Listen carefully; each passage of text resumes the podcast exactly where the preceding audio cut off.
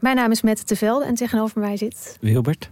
En ik heb vrij veel last gehad van neerslachtigheid, eigenlijk nog steeds wel in het leven. En depressies. En volgens mij gaan we dat proberen op te lossen. We gaan jou redden. En de rest van de mensen. En de toch? rest van de mensen. Ja. Wie redt Wilbert? Dat is de vraag. Wie helpt hem bij de kwesties en problemen van vandaag? Luister naar Wie redt Wilbert en de rest van de mensheid. Een podcast van de VPRO voor NPO Luister. Kijk, de Jordaan. Daar ben ik geboren en getogen. De nieuwe Nederlandse musical Onze Jordaan van Diederik Ebbingen is dit najaar in de theaters te zien. Koop nu uw kaarten op onzejordaan.nl.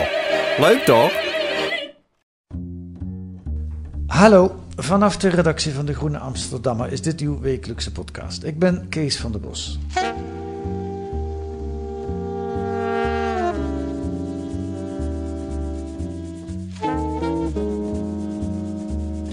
Hoe gaat de politiek om met het grootste probleem van deze tijd? In De Groene deze week een analyse van 20 jaar klimaatdebat in de Nederlandse politiek.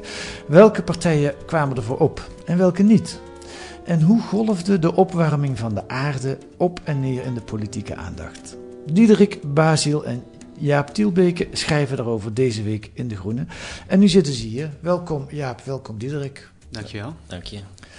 En Jaap, jij zat hier begin februari ook eh, met een soort gelijk onderzoek, maar toen naar hoe het klimaatdebat in de pers werd weerspiegeld.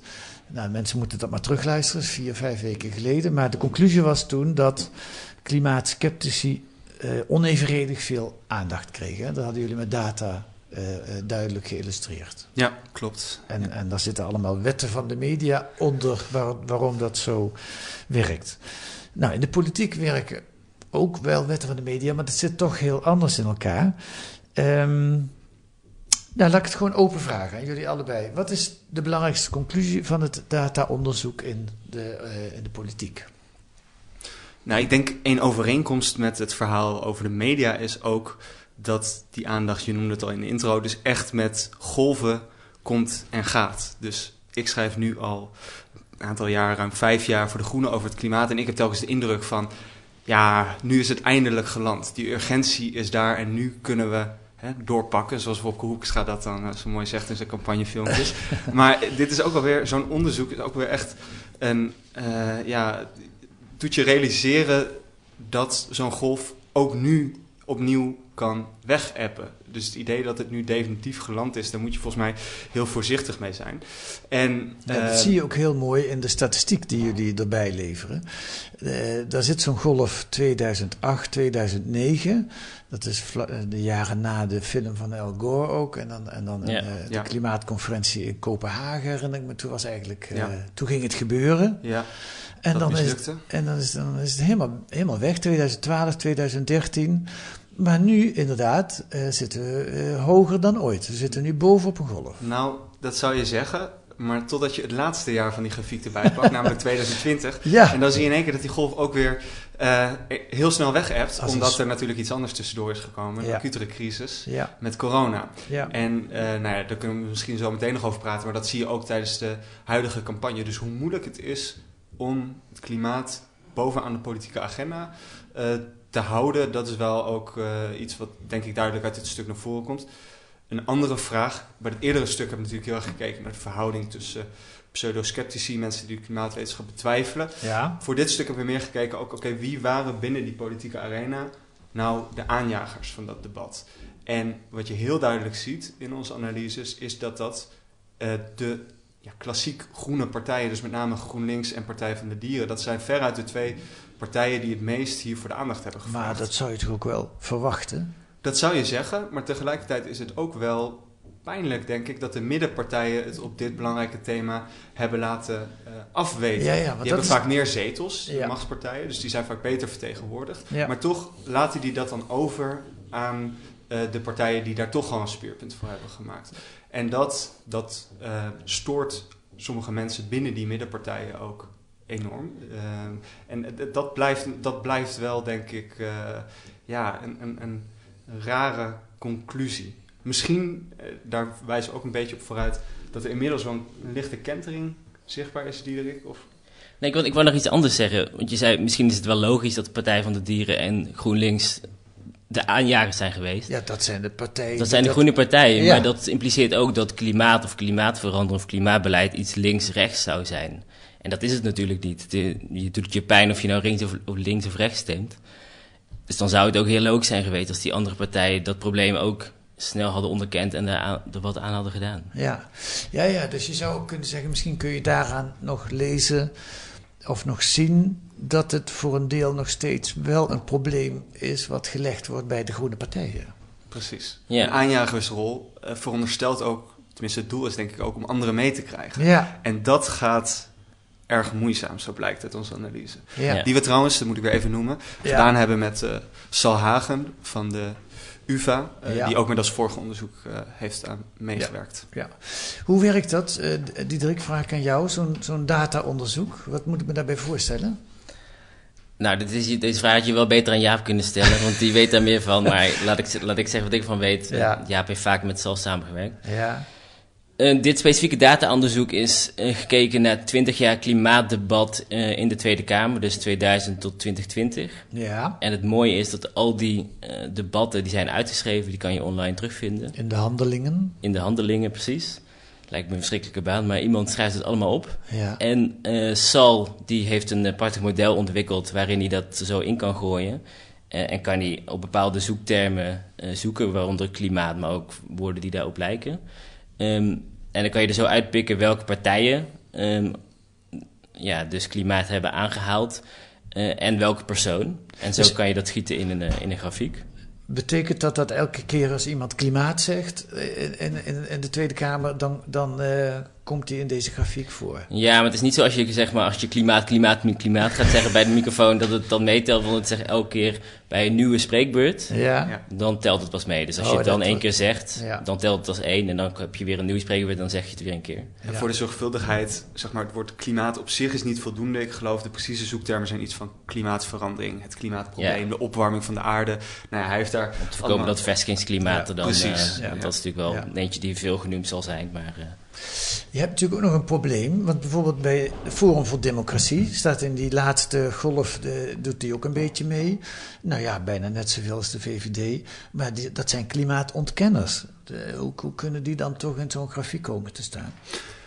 Nou ja, eh, ook klimaatontkenners die, die zetten zich juist heel erg af tegen het klimaatbeleid dan eh, specifiek. Dus die Oh ja, dat erkennen. dan- Dus Ja. die, die gaan er juist, dat zag je ehm, ook tijdens de provinciale statenverkiezingen van 2019, wat een belangrijk moment was.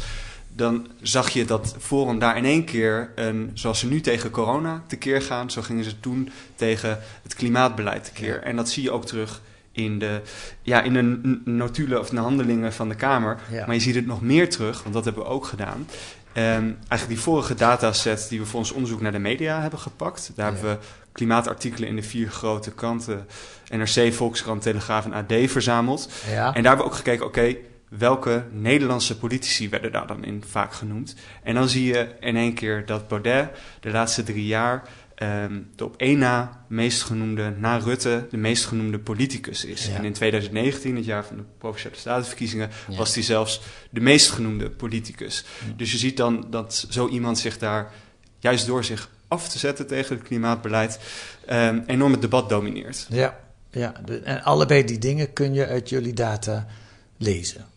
Ja, Ja, dus dus het ene is inderdaad, eh, wat Diederik net goed uitlegde, de parlementaire spreekbeurten. En we hebben dus ook gekeken naar de, de berichtgeving in de kranten. Ja. En de rol van de, of de, ja, de aanwezigheid van de Nederlandse politici daarin. Ja. Ik ga naar wat hoofdrolspelers toe, want dat zijn, dat zijn toch wel verrassende rollen, vind ik. En één hoofdrol is weggelegd voor de VVD-minister Ed Nijpels, die al in 1989 zich bezighield met het milieuprobleem. En dat eh, wordt zichtbaar gemaakt in een mooie reportage van Nieuwsuur. Toen eigenlijk nog weinig mensen spraken over het klimaatprobleem, werd er in Noordwijk een conferentie belegd, georganiseerd door milieuminister Nijpels. Precies 30 jaar geleden liepen hier 60 ministers van over de hele wereld met maar één doel: bindende afspraken maken om de CO2-uitstoot te verminderen. En het lukte ze bijna. Als we toen actie hadden genomen, hadden we beneden de anderhalve graad kunnen blijven. Dat wordt nu nagenoeg onmogelijk. Maar heel weinig mensen weten maar dat we eigenlijk in Noordwijk heel dicht zaten bij een politieke omslag. En het is natuurlijk jammer dat we inmiddels 30 jaar hebben gedaan om uiteindelijk een verdrag in Parijs te krijgen. Als we 30 jaar geleden echt hadden doorgezet en de industrie had meegewerkt, hadden we nu al minder zware orkanen gehad.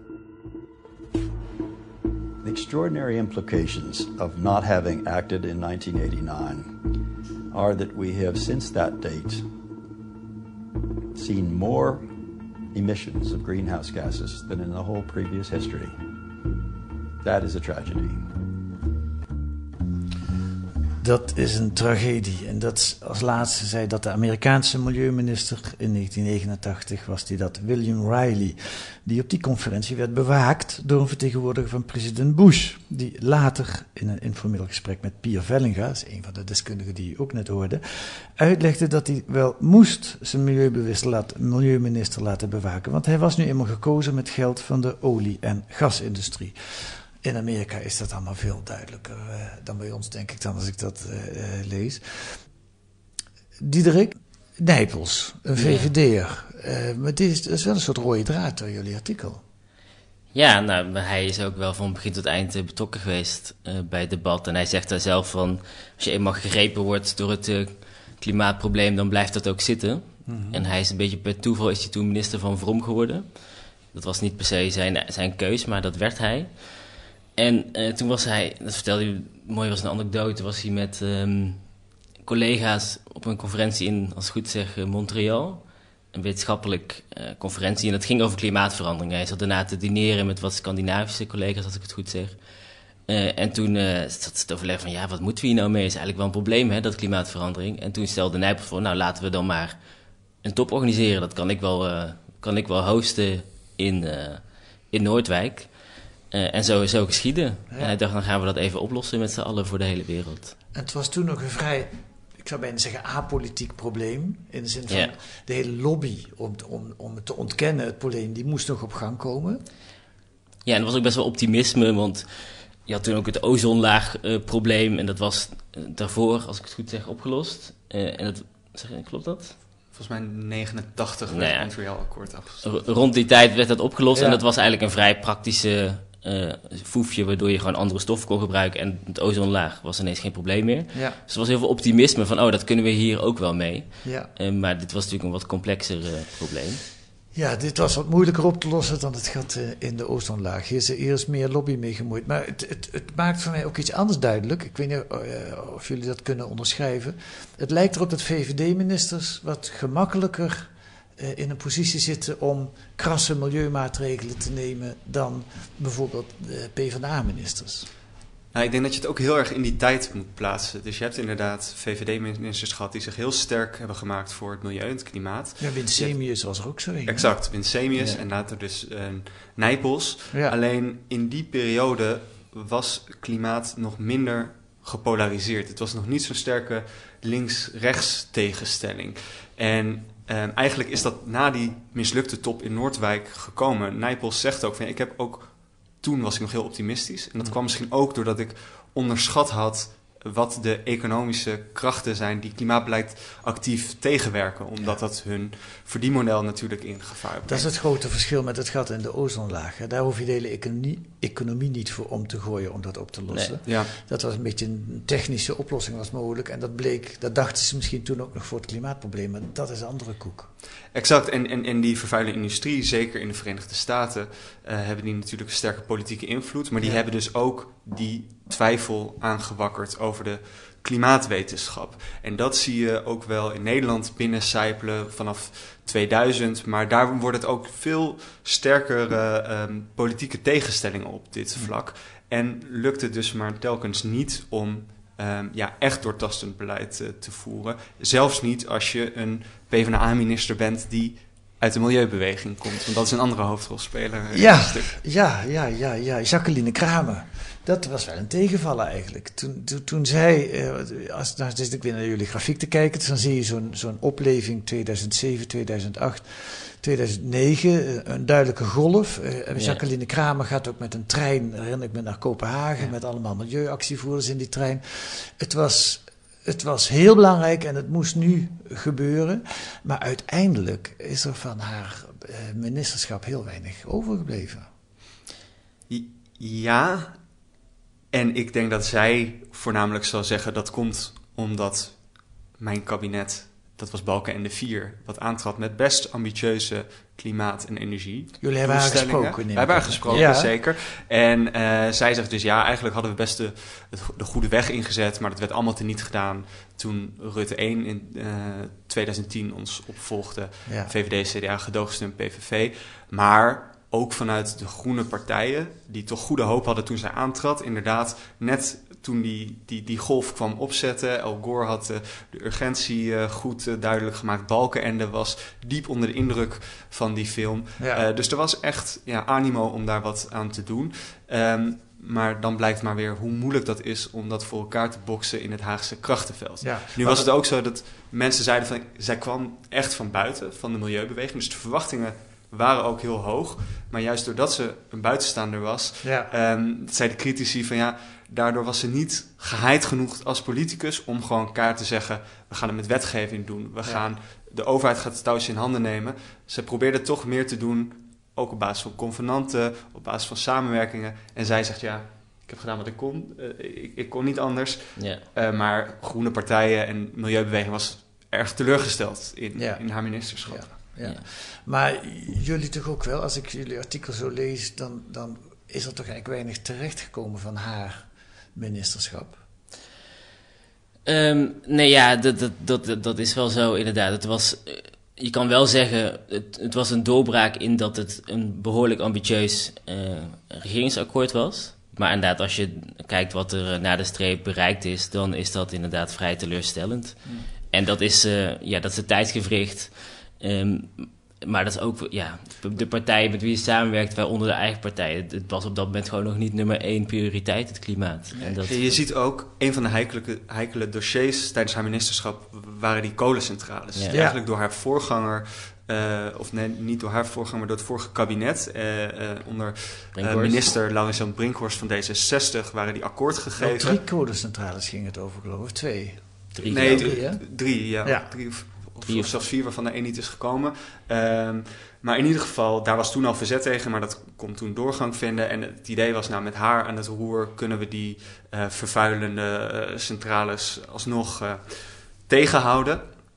Maar dat lukte niet. Zij heeft uiteindelijk toch um, ja, moeten, volgens haar moeten instemmen. Um, en dan probeert duurzaamheidseisen te stellen aan die dingen. Bijvoorbeeld door CO2 te laten uh, afvangen en ondergronds opslaan. Maar het lukt er dan ook weer niet om dat verplicht te krijgen, waardoor er uiteindelijk niks van terecht is gekomen. Maar wat heel illustratief is daaraan, is hoe ja, verkeerde beslissingen, bijvoorbeeld Rob Jette, D66-Kamerlid, partijgenoot van Brinkhorst, die moet nu terugblikkend concluderen, ja, dat is echt een fout geweest dat we die dingen toen nog hebben neergezet. Maar dat werpt een enorm lange schaduw vooruit, want dat is een dossier waar we nu nog steeds mee, mee zitten. Ja.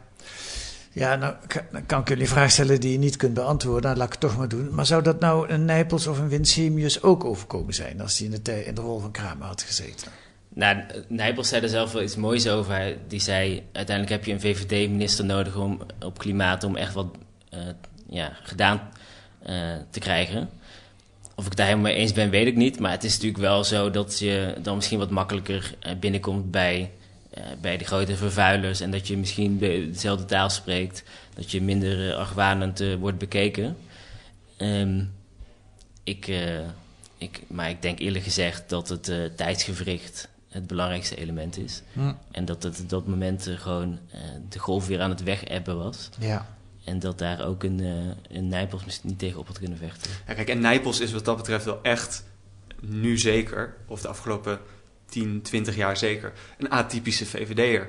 Want je kunt niet zeggen dat de VVD op kop heeft, tot, zijn, tot Nijpels grote frustratie. Een interessant moment is trouwens uh, Rutte met zijn pamflet over groen rechts. En in mijn herinnering stond dat ook echt van, nou dat was misschien een proefballonnetje dat Rutte een groenere koers uh, ging dat varen. Was voor de eerste kabinet Rutte kwam. Ja, dat was in ja, 2008. Ja. ja. Maar het is heel grappig, want we waren bij Nijpels en hij pakte dat pamflet erbij en hij begon daaruit voor te lezen en wij gingen er ook in lezen. Maar het is eigenlijk helemaal niet groen wat hij doet. Hij loopt gewoon een beetje eh, ja, sneren uit te delen naar milieugekkies en, en onheilsprofeten als Gore. En hij wil dan wel, ja, dan ja, is er het komt vaak een belasting op alles wat, eh, waar we van genieten. En, eh, Precies, en het antwoord en van- iedereen is pessimistisch en je moet positief zijn en op innovatie Maar inzetten. het is wel grappig, met de ogen van nu is dat dus helemaal niet groene rechts, maar toen werd dat wel als een groene rechts pamflet in de, in de kranten beschreven, herinner ik me. Hoe bedoel je in de ogen van nu is het niet groen? Nou ja, zoals jullie er nu over praten, Nijpels haalt het, eh, haalt het tevoorschijn en, en wat jullie eruit citeren, dan denk ik, ja, dat is inderdaad, dat heeft met groen eigenlijk heel weinig te maken. Nee. Maar, maar toch werd het wel als groen rechts neergezet. Ja, zo is het ook een beetje gek genoeg in mijn herinnering. Maar ik denk het... Misschien was het ook gewoon het niveau van de discussie op dat moment.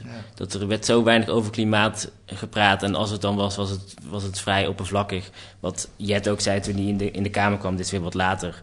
Maar toen ik in de Kamer kwam, kon ik de, de discussie samenvatten in één woord windmolens. Het was niet ver ontwikkeld. En misschien was dat op dat moment ook zo.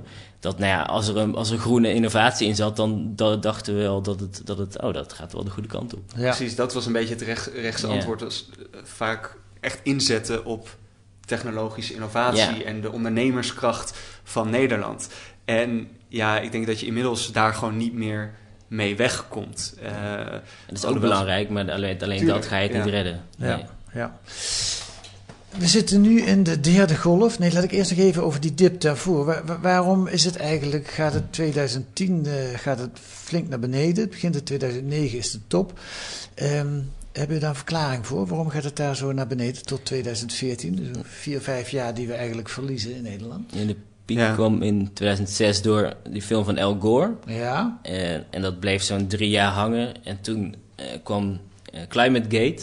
Dat zag je ook terug in Ja. het, in het, in het eh, stuk Ja. eh, over de eh, media. Ja, laten we het even uitleggen. Toen kwam naar buiten dat er gesjoemeld zou zijn. Eh, Zo, zo werd het in Ja, er stonden wat fouten in een IPCC-rapport. En IPCC is het, eh, het gremium van de VN die eh, het meest toonaangevend is in zeggen... nou, klimaatverandering is inderdaad het probleem en de mens is daar schuldig aan. Ja, ja, maar het was, nu zeg je wat fouten.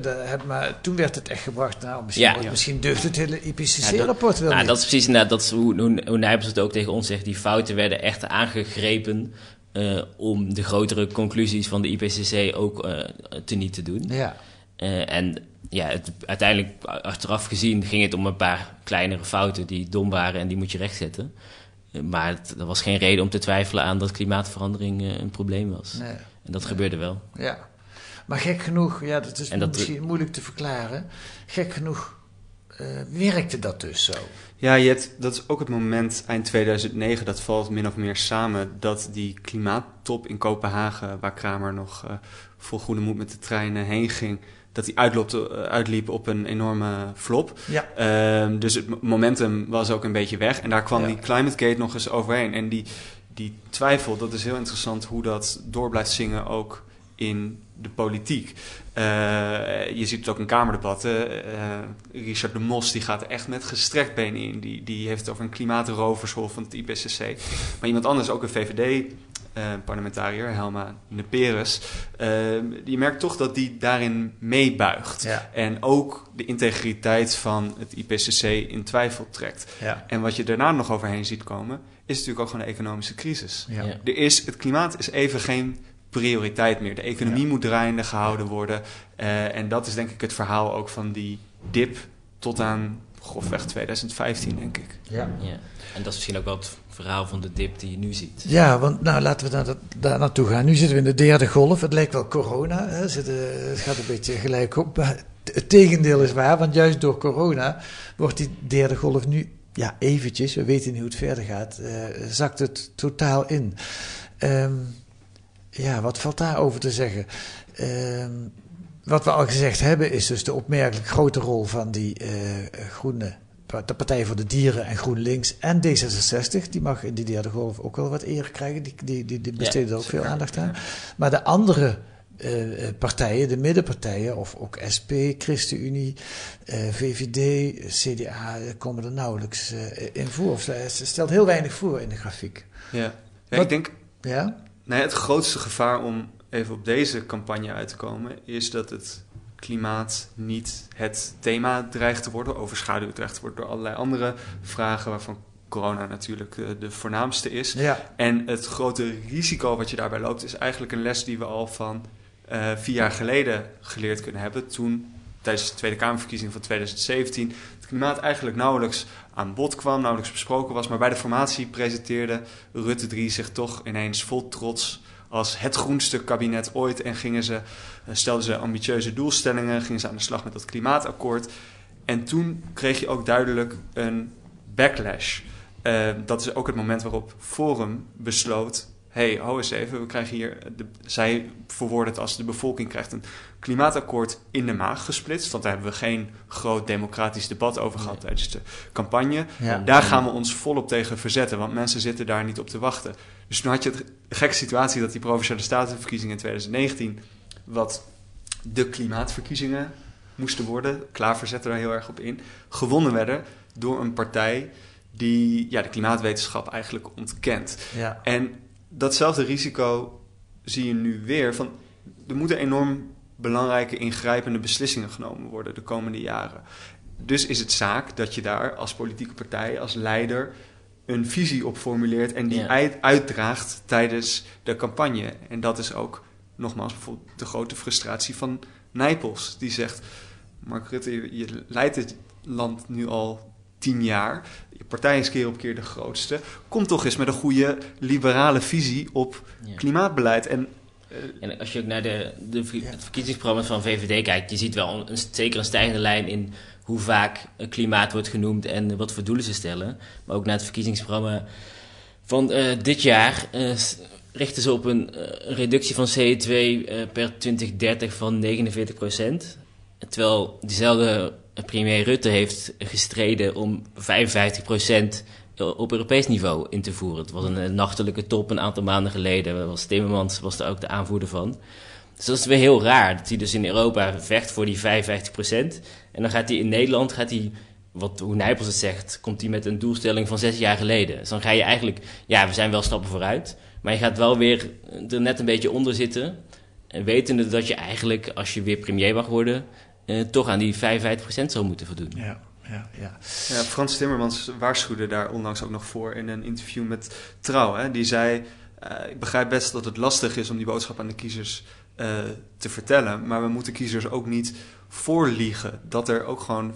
Het klimaatbeleid, uiteindelijk raakt dat, grijpt dat in op de levens Ja. van mensen. Ja. Dus daar moet je helder over zijn en je moet daarop... eh, je moet niet altijd, zoals het Nijpels zei, electoraal benauwd zijn. En zo ja, op die manier je politiek voeren. Je mag best op de troepen vooruit lopen en zeggen: dit is belangrijk voor het land. Ja. En ik denk als je dat goed doet, dat dat ook helemaal niet electoraal een probleem hoeft te zijn. Nee, maar goed, uit jullie analyse zie ik dat dat, dat kunnen we hier wel zeggen, maar dat is nog niet echt doorgedrongen tot de, de middenpartijen, VVD, CDA, PvdA. eh in, in hun. Maar we eh, kunnen wel een positieve kant tegen maken, toch? Mag- Zeker. Graag.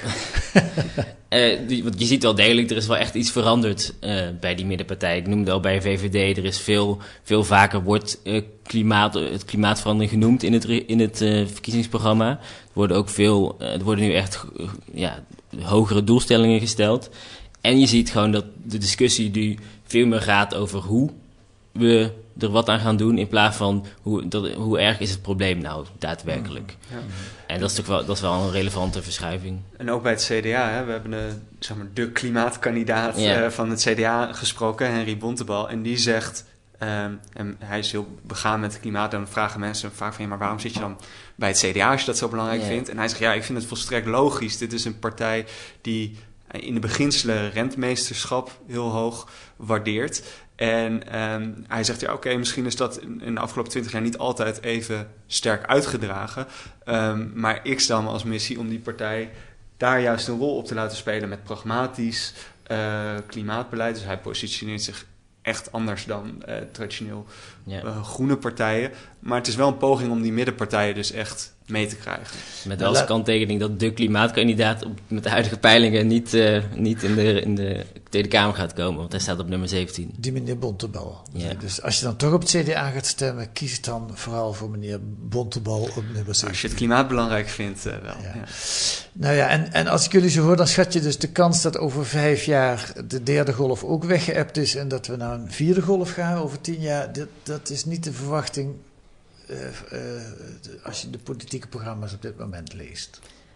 Nou, Of- ik, ik, ik denk het risico bestaat wel dat, dat de urgentie iets minder wordt gevoeld, omdat we nu eenmaal met een andere crisis zitten. En dan kan je vertraging oplopen. En dat is natuurlijk uiteindelijk wel een reëel risico, want ja, zoveel tijd is er niet. Mhm. Eh, ja, er is gewoon maar een aantal jaren dat je echt nog iets aan dit probleem kan doen. Ja. Dus ik geloof niet dat het helemaal zal verdwijnen, zoals het in het verleden wel is geweest. Maar het risico is wel dat het toch even op het tweede plan komt, wat het nu eigenlijk al is. En dat, ja, dat moet Ja. je niet willen. Het zijn ook geen natuurwetten. Hè? En je ziet die golven worden ook telkens hoger. De derde Ja. golf is aanzienlijk hoger dan de, Ja. eh, dan de tweede. En ik denk dat partijen, maar ook kiezers, ook organisaties, ook media een rol kunnen spelen om te voorkomen dat die golf weer helemaal verdwijnt. Het vorige stuk, ons vorige stuk, ging ook over de rol van de media. Ja. En wat daar heel duidelijk naar voren kwam, was ook dat die media een agenderende functie hebben. Dus vandaar dat we ook besloten hebben, we gaan een- deel 2 maken, waarin we echt op het politieke debat focussen in de aanloop naar de verkiezingen. Ook omdat wij dit als journalisten, als eh Groene Amsterdammer, een belangrijk verkiezingsthema vinden. Dus ja, hoe, hoe dat zich gaat ontwikkelen, dat hangt ook af van de keuzes die allerlei partijen maken. Ja, goed. Lees dat allemaal in de verkiezingsspecial, de dubbeldikke nummer van de Groene Amsterdammer. Jaap Tielbeke en Diederik Baziel, dank jullie wel voor dit gesprek. Dank je graag gedaan.